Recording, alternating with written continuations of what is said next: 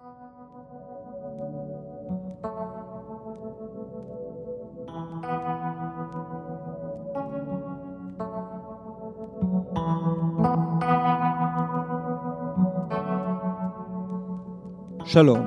וברוכים הבאים לפודקאסט על מרקס. אני יפתח גולדמן, פרק 22, כבלים רדיקליים. סוף גלגולך, מה יהא הפכפכת? מתי משירך ינוגן לנו תו? האם כגבעול מאבני המדרכת יפרוץ גם העם ויתבע את חייו? אדום בעורקנו צווך הקודח, בפרק ידינו הולם המצעד, טרם נולד דור הדרור הנפדח, ביתנו קראנו, בשמך המועד. בשמך הקבצן, החולם, הדומע, בשמך המוחש, התמוה, המיתי, בשמך שנשאנו על גוף כקמע, בשמך המפורש, הפוליטי. מתרימה את החורף פריחת החצב, תזמורת הזמן לא ניגנה את הקודה.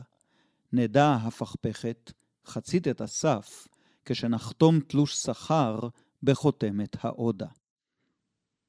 עודה למהפכה, מאת דותן ברום, מתוך ספרו אור שני, שיצא לאור בהוצאת פרדס בשנת 2021. חברות וחברים, מאזינות ומאזינים, הגענו סוף סוף לפרק שהאחייניות שלי מחכות לו בקוצר רוח מאז תחילת השידורים של הפודקאסט על מרקס. תורת המהפכה. אבל קודם כל, הצטברו על שולחן הכתיבה של הפודקאסט על מרקס כמה דברים הדורשים את תשומת ליבנו, גם אם לרגע קצר. ראשית, עליי לספר לכם שדותן ברום, שכתב את השיר היפה שבו פתחתי את הפרק, תרגם לאחרונה את חיבורו של אוסקר ויילד, נפש האדם בסוציאליזם. התרגום יצא לאור בהוצאת נמלה, בתוספת אחרית דבר שכתב בעל הפודקאסט על מרקס, כלומר, אני. עכשיו, נפש האדם בסוציאליזם אינו החיבור החשוב ביותר בתולדות המחשבה הסוציאליסטית, וגם לא החיבור החשוב ביותר שכתב אוסקר ויילד, אבל הוא ללא ספק החיבור החשוב ביותר של ויילד המוקדש לנושא סוציאליזם. וזאת מן הטעם הפשוט שזה החיבור היחיד שכתב ויילד בנושא. נפש האדם בסוציאליזם הוא לא טקסט סוציאליסטי טיפוסי. לאמיתו של דבר, הוא כה בלתי טיפוסי עד שיש מקום לספק האם הוא באמת טקסט סוציאליסטי. מכל מקום, הוא פותח חלון אל סוציאליזם שונה מאוד מזה של מרקס, וממה שאפשר לכנותו המיינסטרים של הסוציאליזם. ועכשיו, בזכות הוצאת נמלה, המוציא לאור אלי למדן והמתרגם דותן ברום, החלון הזה פתוח גם בעברית. קישור להזמנת הספר באתר הפודקאסט על מרקס כמובן. עניין שני כבר הזכרתי בעבר כמה פעמים את המרצה שהכניס אותי אל גנה של הפילוסופיה המרקסיסטית, פרופסור צביקה טאובר מאוניברסיטת תל אביב. אז אני רוצה לספר לכם שבעקבות הפרק ה-20 של הפודקאסט על מרקס, הפרק שבו הצגתי את הביטול הדיאלקטי, או האופהבונג ההגליאני, צביקה כתב לי שהראשון שהשתמש באופהבונג באופן דיאלקטי זה היה המשורר וההוגה פרידריך שילר. הגל למד זאת משילר, והוא עצמו מעיד על כך. המושג מופיע אצל שילר בחיבור מקסים, מרתק ומבלבל, שגם תורגם לעברית, אם כי באופן לא כל כך מוצלח, בשם על החינוך האסתטי של האדם בסדרת מכתבים. לפני שנים רבות לימדתי קטעים מן החיבור הזה לסטודנטים לאומנות בבצלאל. כאן אנחנו בפודקאסט על מרקס, ולכן לא אדבר יותר על שילר ועל חיבורו, אבל הוא באמת טקסט נפלא. שלישית, שוב בעקבות הדיון ב Aufhebung, התפתחה ביני לבין פרופסור טאובר חליפת אימיילים שבה נדונה השאלה האם ביטול הרכוש הפרטי הוא אכן ביטול דיאלקטי, כפי שאמרתי בפרק, או שמא הוא ביטול סתם, כלומר סילוק, שאין בו האלמנטים של שימור והסגבה. זו סוגיה עדינה, סבוכה ומורכבת, וגם עליה לא אוכל להרחיב כאן. אולי אייחד לה מקום באחד הפרקים הבאים. אבל בינתיים חשוב שתדעו שאף שאני גורס שביטול הרכוש הפרטי הוא ביטול דיאלקטי, כלומר אופהבונג, יש לפחות מומחה מרקס גדול אחד שחולק עליי בעניין זה. נקודה רביעית ואחרונה. המאזין אורי ארבל העלה בעמוד הפייסבוק של הפודקאסט על מרקס את התהייה הבאה. מדוע גביע הקוטג', אותו עליי לאכול על מנת שתהיה לי אנרגיה לייצר סיכות, לא נחשב כאמצעי ייצור? זו שאלה מצוינת, וברשותך, אורי, ארחיב מעט את השאלה כדי להבהיר אותה. כזכור, אמרנו שאמצעי ייצור הם מכלול הדברים הנחוצים לשם הייצור. הם מתחלקים באופן גס לשלושה תחומים חומרי גלם, מכונות ומקורות אנרגיה או דלק. אל אמצעי הייצור, הקפיטליסט רותם כוח עבודה אנושי על מנת להפיק מוצרים שאותם הוא מוכר ומפיק רווח. אורי שואל בעצם, מדוע לא לראות גם בכוח העבודה האנושי אמצעי ייצור לכל דבר? במקרה זה, המזון שאוכלים הפועלים שקול לגמרי לדלק שמכלות המכונות. גביע קוטג' בגוף האדם, כמו ליטר דלק בטנק הדלק של המכונה, הם אמצעים לייצורם של מוצרים או סחורות. אורי בהחלט אפשר להציג כך את הדברים, ומרקס עצמו מצביע בכמה מקומות על האפשרות הזאת. כל עוד אנחנו עוסקים בכלכלה אובייקטיבית, כלומר בכלכלה הבוחנת אובייקטים בלבד, אין הבדל עקרוני בין האובייקט האנושי לבין אובייקטים אחרים המעורבים בתהליך הייצור. ובכל זאת, יש כמה הבדלים חשובים. אציג כאן רק אחד מהם, אבל את החשוב ביותר. הפעילות הכלכלית עוסקת בייצור, בחלוקת התוצר ובצריכתו. התיאוריה של הכלכלה עוסקת בחקר הפעילות הזאת, אבל הפעילות הכלכלית לא יכולה להציב לעצמה בעצמה את תכליותיה. לשם מה לייצר? בכדי מה לייצר דבר זה ולא אחר? בשביל מי או בשביל מה לחלק את התוצר כך ולא אחרת? כל מי שינסה להשיב תשובה כלכלית על השאלות האלה, ייקלע למעגליות הכרה מבלבלת ומבולבלת. כמו נניח, צריך לייצר יותר על מנת להגדיל את התוצר. ובכן, מה התכלית? לאיזו תכלית אנחנו מייצרים, מחלקים, צורכים ושוב מייצרים? אפשר להשיב כל מיני תשובות לשאלה הזאת. אפשר לומר שאנחנו מייצרים כדי להאדיר את עוצמתה של המדינה, או כדי להגדיל את כוחה של הפירמה. ואפשר גם לומר שאנחנו מייצרים כדי ליצור רווחים. כל התשובות הללו אפשריות, אבל הן לא הומניסטיות. אולי הן אפילו אנטי-הומניסטיות. תשובה הומניסטית חייבת להיות משהו ברוח הדברים הבאים. אנחנו מייצרים, מחלקים את התוצרים וצורקים אותם כדי לשפר את חייהם של בני האדם עלי האדמות, להגדיל את רווחתם או את עושרם או את חירותם או משהו, מה... משהו מעין זה. הסוציאליזם הוא זרם מחשבה הומניסטי, וככזה הוא מצהיר שתכלית הפעילות הכלכלית היא האדם. ואם האדם הוא התכלית, הרי שגביע הקוטג' אינו יכול להיחשב רק כדלק למנוע של המכונה האנושית. הוא אכן כזה, אבל בה בעת הוא חייב להיות גם משהו מעבר לזה. אמצעי לסיפוק צרכים של זה שהוא התכלית של הפעילות היצרנית, כלומר של האדם. במילים אחרות, שלא כמו החציר לבהמה והדלק למכונה, הקוטג' חייב שיהיה לו טעם, ולא רק טעם שאותו אנחנו תואמים בפינו, אלא גם טעם שאותו אנחנו מבינים ברוחנו. ועכשיו, המהפכה. מאז הופיעה מילה זו על בימת אירופה, היא הילכה קסם על רבים ועוררה פחד ותיעוב בלב רבים אחרים. עמים ומעמדות מדוכאים ומנוצלים ביטאו במושג זה את תקוותם לעתיד טוב יותר. שליטים, אצילים, בעלי אדמות ובעלי הון, ראו במהפכה איום גדול על שלטונם, על רווחתם ועל עצם חייהם. משוררים ופילוסופים נשבעו לאמונים או השחיזו את עפרונם כדי להילחם בה.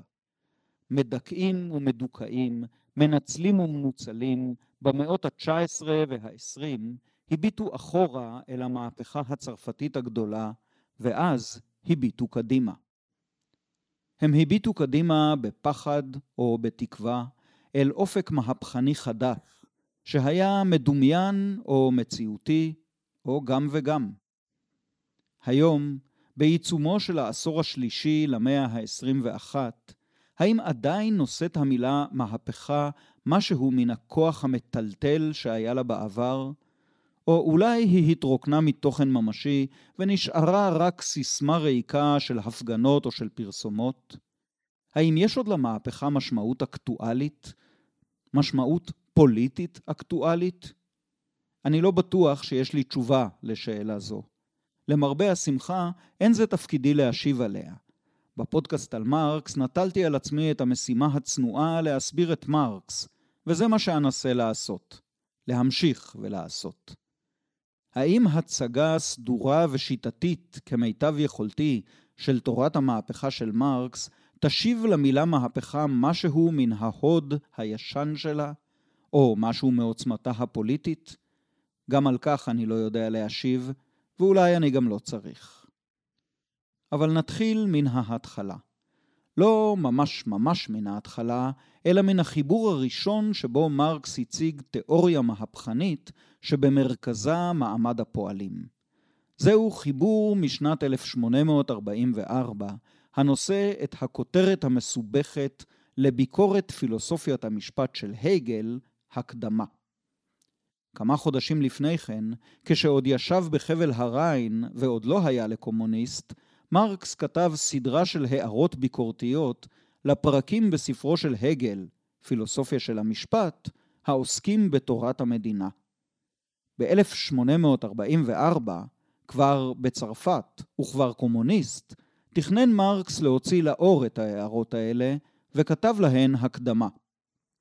בסופו של דבר מרקס פרסם רק את ההקדמה, בלי ההערות, ומאז היא נחשבת במידה רבה לחיבור העומד בפני עצמו.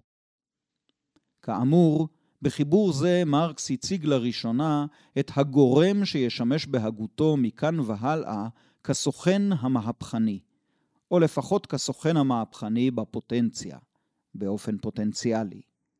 כך הוא כותב: ראשה של אמנסיפציה זו היא הפילוסופיה, ליבה הוא הפרולטריון. אין הפילוסופיה יכולה לממש את עצמה, אלא אם כן תבטל את הפרולטריון. אין הפרולטריון יכול לבטל את עצמו, אלא אם כן יממש את הפילוסופיה. מרקס מציג את הפרולטריון בחיבור זה כמעמד הנדחק אל תחתית הסולם החברתי, ואף ממש אל מחוץ לחברה האזרחית. זהו מעמד סובל, המעמד הסובל בה"א הידיעה. המעמד שנגרם לו סבל אוניברסלי, כלומר מוחלט וכל צדדי. מעמד שכבליו הם כבלים רדיקליים, כלומר שורשיים, נטועים כה עמוק בסדר החברתי הקיים, עד שאין להשתחרר מן הכבלים האלה מבלי לעקור מן השורש ולהפוך את הסדר הקיים כולו. כלשונו של מרקס, הפרולטרים מהווים, ציטוט, תחום שהוא במילה אחת אובדנה המוחלט של האנושיות, שאינה ניתנת לגאולה אלא על ידי גאולתה השלמה, התפוררותה של החברה המופיעה כמעמד מסוים, הרי זה הפרולטריון. סוף ציטוט. על פי הלוגיקה הזאת, מי שאין לו כל רכוש, מי שאין לו דבר, וגם לא זכות לדבר או תביעה לדבר, אינו יכול לזכות בדבר מבלי שיזכה בהכל. הפרולטריון מוצג כאן כאחרות המוחלטת של הסדר החברתי הבורגני, כציבור שעולה מתוך התפרקות הסדר הישן ומבטא בעצם קיומו ומהותו התפרקות זו. בסדר העולם הבורגני אין לו מקום. בסדר חברתי שבו הכוח הכלכלי והפוליטי, הסטטוס החברתי והיוקרה נקבעים באופן בלעדי על פי בעלות על רכוש, חסרי הרכוש הם חסרי כוח פוליטי, חסרי סטטוס, חסרי יוקרה. הפרולטריון נוצר בתהליך התהוותו של סדר עולם חדש שבו הפרולטרים הם חסרי כל. רק אם יבטל הפרולטריון במהפכה את סדר העולם הזה, יוכל הפרולטריון לשחרר את עצמו, כלומר לבטל את עצמו כקבוצה נבדלת הסובלת דיכוי ואפליה. בכך, אומר מרקס, יממש הפרולטריון את הפילוסופיה, ובהקשר פילוסופי הגליאני פירוש הדבר יממש את אידאת החירות.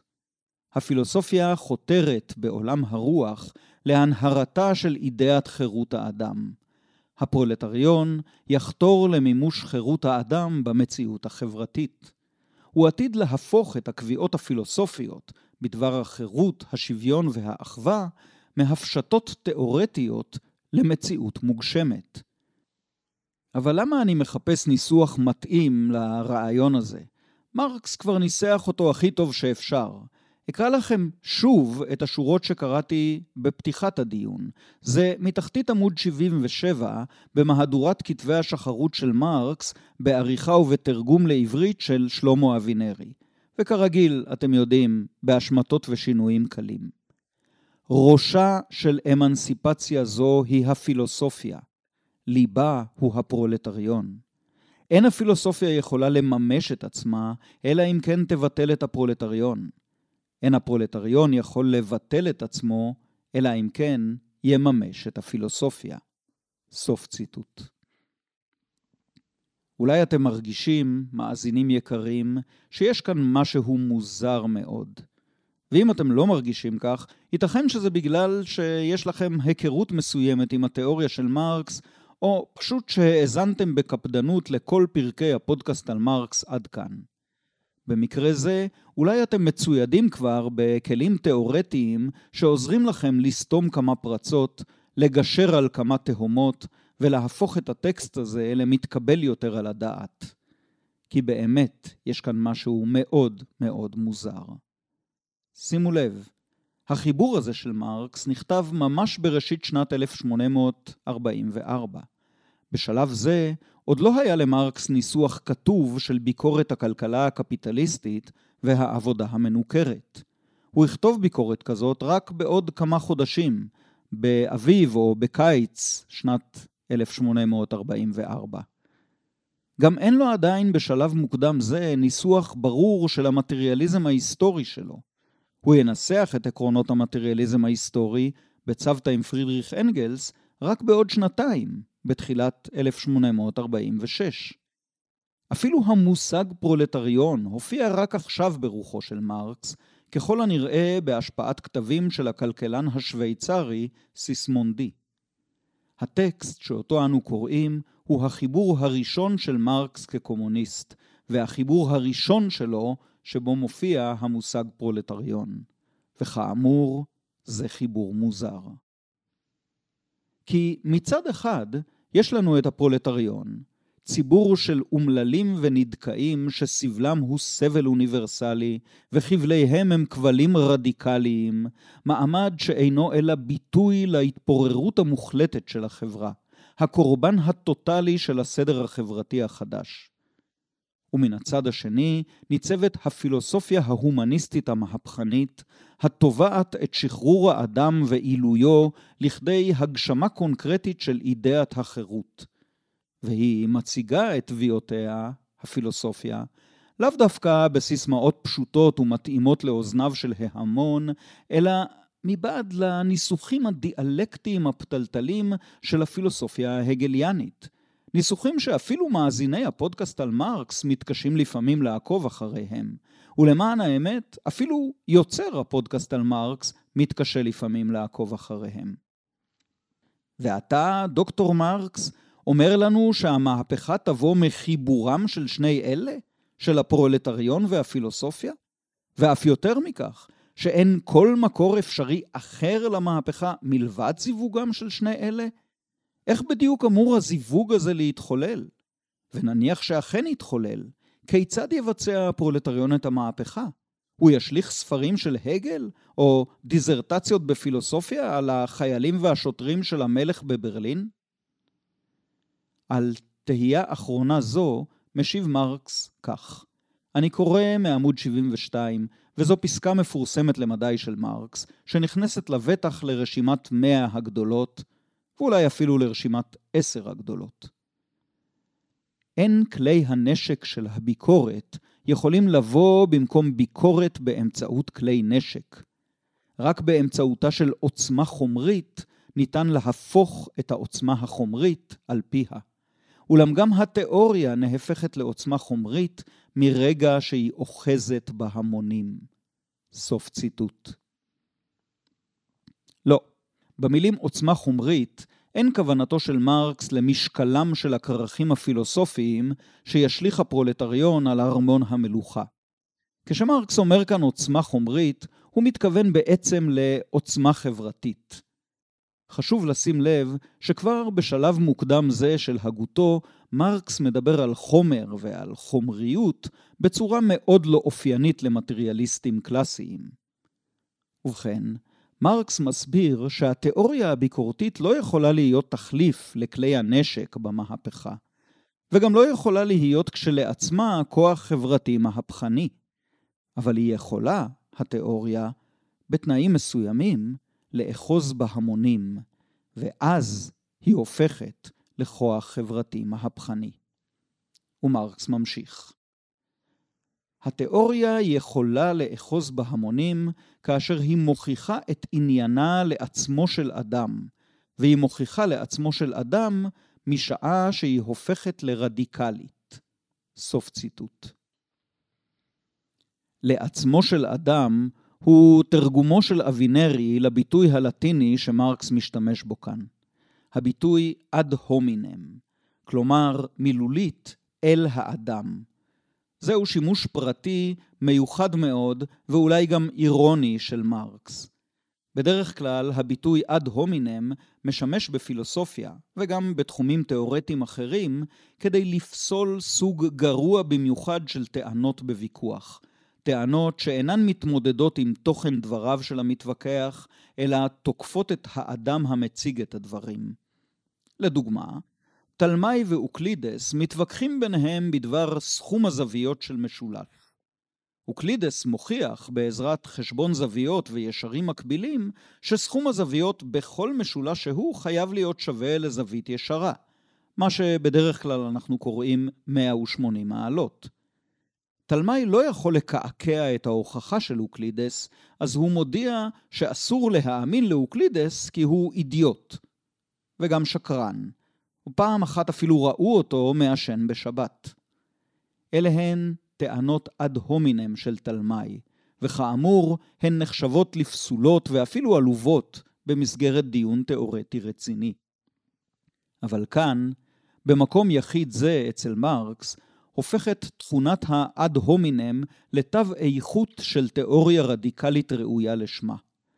התיאוריה מוכיחה את אמיתותה אל האדם, כלומר היא תקפה ביחס לבני האדם ועבור בני האדם. אד הומינם כאן לא במשמעות של האדם המציג את התיאוריה, אלא של האדם שעליו ואליו מדברת התיאוריה. והאדם שאת עיניו מנסה התיאוריה לפקוח. כלומר, האדם במשמעות של האדם, כל בני האדם, או לפחות הפרולטריון. מתי הופכת התיאוריה לתיאוריית אד הומינם במשמעות מיוחדת זו? כשהיא תיאוריה רדיקלית. ומתי תיאוריה מתחום מדעי החברה או הפילוסופיה החברתית הופכת לרדיקלית? נזכיר שרדיקס בלטינית פירושו שורש, ורדיקלי זה שורשי, כלומר נוגע בשורשיו של העניין שבו מדובר. ומרקס ממשיך.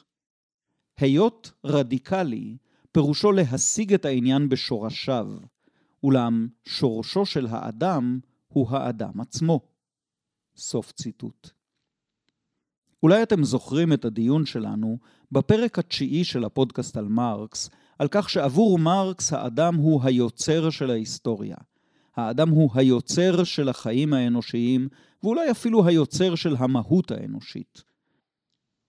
בפרק ההוא חיברתי את הטענה הזאת אל התיאוריה האנתרופולוגית של ויר גורדון צ'יילד ואל הפילוסופיה האקזיסטנציאליסטית.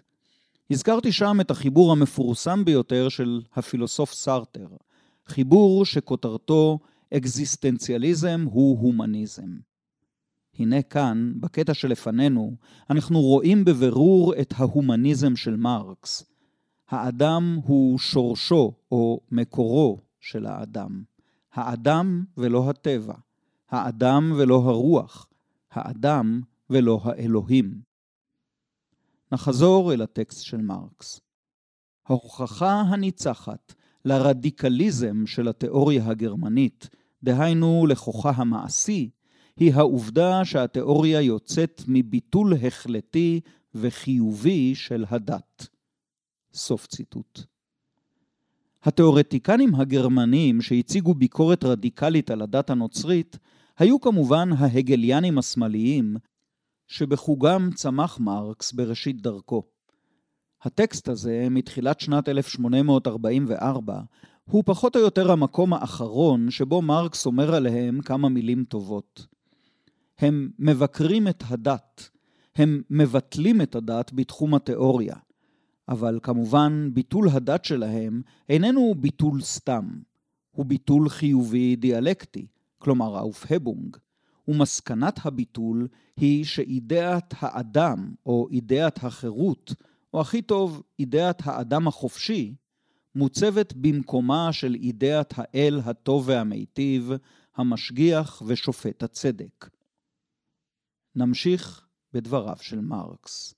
סופה של ביקורת הדת הוא בהלכה האומרת שעל האדם להוות את המהות העליונה בשביל האדם, וזהו הציווי הקטגורי המצווה להפוך כל אותם תנאים שבהם מצוי האדם כיצור מוזנח, מדוכא, מושפל ובזוי.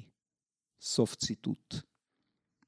כלומר, ההומניזם לא מסתפק בטענה על אודות המציאות האנושית-חברתית, שהיא כולה תוצאה של פעילות אנושית, שהיא כולה מעשה ידי אדם. יש להומניזם גם צו מוסרי. את האדם צריך לתפוס גם כתכלית של כל הפעילות האנושית. הוא המהות העליונה, כאן במובן של תכלית עליונה, של כל המוסדות האנושיים. או כך ראוי שיהיה. ואצל מרקס, כמו אצל מרקס, מחוברת הטענה החגיגית מופשטת הזאת באופן מיידי אל קרקע המציאות של התנאים החברתיים והמאבק בתנאים החברתיים. מלחמה בכל התנאים שבהם מתקיים האדם כיצור מוזנח, מדוכא, מושפל ומבוזה. מרקס קורא לכך ציווי קטגורי, ואלה מבין המאזינים שיש להם רקע פילוסופי, נזכרים מיד בציווי הקטגורי של עמנואל קאנט. הציווי הקטגורי הוא כלל מוסרי שיש לו תוקף בלתי מותנה, כלומר שהוא מחייב תמיד ובכל תנאי. הנוסח המפורסם ביותר של הציווי הקטגורי של קאנט הוא זה: עשה מעשיך כך שיתאימו לעיקרון אשר היית יכול לרצות שיהיה לחוק כללי. אבל אני ברשותכם מעדיף ניסוח אחר של קאנט לאותו ציווי קטגורי. עשה מעשיך כך שהאנושות שבאישיותך שלך ובאישיותו של כל אדם אחר לא תהיה עבורך לעולם רק אמצעי למטרה, אלא בה בעת גם מטרה בפני עצמה. אצל מרקס מתחבר רעיון זה אל שורה של מצבי חיים אנושיים בלתי ראויים, שאין לסבול אותם ושיש להתקומם כנגדם ולבטל אותם. מצבי חיים של הזנחה, של דיכוי, של השפלה וביזוי. כשהתיאוריה של החברה והאדם תדבר על זה, אומר לנו מרקס, היא תדבר על האדם ואל האדם. היא תהיה לרדיקלית. ואז, הוא מבטיח, וזה שוב ציטוט, יחדור זיק המחשבה באופן יסודי לקרקע הבתולית של העם. ואז ישחררו הגרמנים את עצמם ויהפכו לבני אדם. סוף ציטוט. ואני מוסיף, ואולי לא רק הגרמנים. אבל אנחנו נשארים תמהים. אלה הרעיונות שיעוררו את נפש העם, דוקטור מרקס? רעיונות על שחרור האדם ועל אחוות כל בני האדם, ועל כך שכל אדם הוא מהות וששום אדם איננו אי? טוב, האחרון לא קשור בהכרח. את זה לא מרקס אמר, אלא המשורר האנגלי ג'ון דן במאה ה-17, אבל מרקס לבטח היה מסכים לכך. תקשיב, חבר מרקס, אנחנו מדברים עם ההמונים מפעם לפעם. אנחנו מנסים להסביר להם תיאוריה ביקורתית רדיקלית. זה די נדיר שהם תופסים דברים אף פחות רדיקליים ממה שהצעת לנו כאן. אני חושב שמרקס היה משיב לנו כך, ואני מדגיש, זו התשובה של מרקס, לא בהכרח התשובה שלי. ואולי, כשדיברתם עם ההמונים, אולי לא הייתם רדיקליים מספיק, אולי כשדיברתם על חשיבות הדמוקרטיה, הביקורת השיפוטית, שלטון החוק, זכויות האדם והאזרח, אולי לא היה בדבריכם די עומק, די רדיקליות, ולכן אין לראות בהם הכרזת מלחמה מפורשת על כל התנאים שבהם האדם הוא יצור מוזנח, מדוכא, מושפל ובזוי. ואם כך, הרי האשם הוא בכם, או בתיאוריה שלכם, ואתם אלה שצריכים לחזור אל ספסל הלימודים, או לעשות שיעורי בית. אולי. אבל בכך לא תמו התמיהות שהטקסט הזה של מרקס מעורר בנו. עניין פעוט אחר שלא התעכבנו עליו, הוא העובדה שמרקס מדבר בעצם על סוכן מהפכני שאיננו קיים כלל. בשעה שמרקס כותב את מה שהוא כותב, אין מעמד עובדים מאורגן בארצות גרמניה. אני אומר ארצות משום שהמרחב הדובר גרמנית טרם אוחד למדינה אחת באותה עת. כמעט ואין אפילו קפיטליזם בגרמניה, ובוודאי שלא קפיטליזם תעשייתי. ובלי קפיטליזם תעשייתי לא ייתכן פרולטריון. ובלי פרולטריון לא תיתכן מהפכת שחרור. הפרולטריון שמרקס מדבר, מדבר עליו הוא מעמד מהפכני לעתיד לבוא. לפי שעה, בזמן שמרקס כותב את החיבור, הפרולטריון הגרמני אינו מהפכני ואינו מעמד. הוא כמעט ולא קיים. הוא לכל היותר אפשרות המסתמנת באופק הכלכלי-חברתי של גרמניה. הגרמנים יצטרכו אפוא לחכות, ואולי לחכות לא מעט זמן, עד ליום התחייה שלהם כבני אדם. אל הבעיה הזאת אחזור באחד הפרקים העתידיים, משום שמרקס נדרש פעם נוספת לבעיה דומה 30 שנה מאוחר יותר. בשנות ה-40 של המאה ה-19, מרקס שאל את עצמו כיצד תיתכן מהפכת שחרור בגרמניה המפגרת, המלוכנית, הפאודלית למחצה. בשנות ה-70 של המאה ה-19, מרקס ישאל את עצמו כיצד תיתכן מהפכת שחרור ברוסיה המפגרת, המלוכנית, הפאודלית למחצה. יהיה מעניין להשוות בין התשובות שנתן מרקס בשני המקרים. אבל לפי שעה אנחנו משאירים גם את התמיהה הזאת מאחורי גבנו ועוברים לעניין שלישי, אחרון וקריטי ביותר. אנחנו אומרים כך, נניח, דוקטור מרקס, שאכן יתהווה פרולטריון כזה בגרמניה בעתיד הקרוב, ונניח שהוא אכן יהיה מעמד כבול, סובל, מעונה, מוזנח, מדוכא, מושפל ובזוי.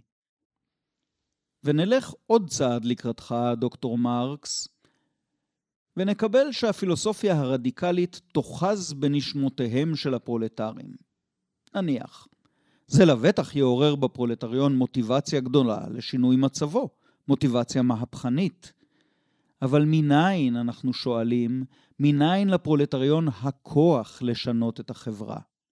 מה יאפשר לכת העלובים הזאת, שאין לה רכוש, אין לה סטטוס חברתי, אין לה זכויות, אין לה כל דריסת רגל בתוך הסדר החברתי החדש, שהוא התפוררות הסדר הישן יותר משהוא מבנה חברתי חדש. מה יאפשר לה, אנחנו שואלים חבר מרקס, לעשות מהפכה? מכירים את המלך צבצב של דוקטור סוס בתרגומה של לאה גולדברג?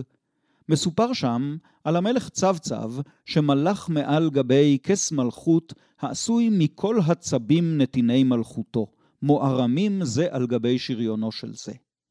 קישורים לגרסה העברית ולמקור באנגלית בעמוד הפודקאסט על מרקס כמובן. ובכן, בתחתית מגדל הצבים עמד הצב מק.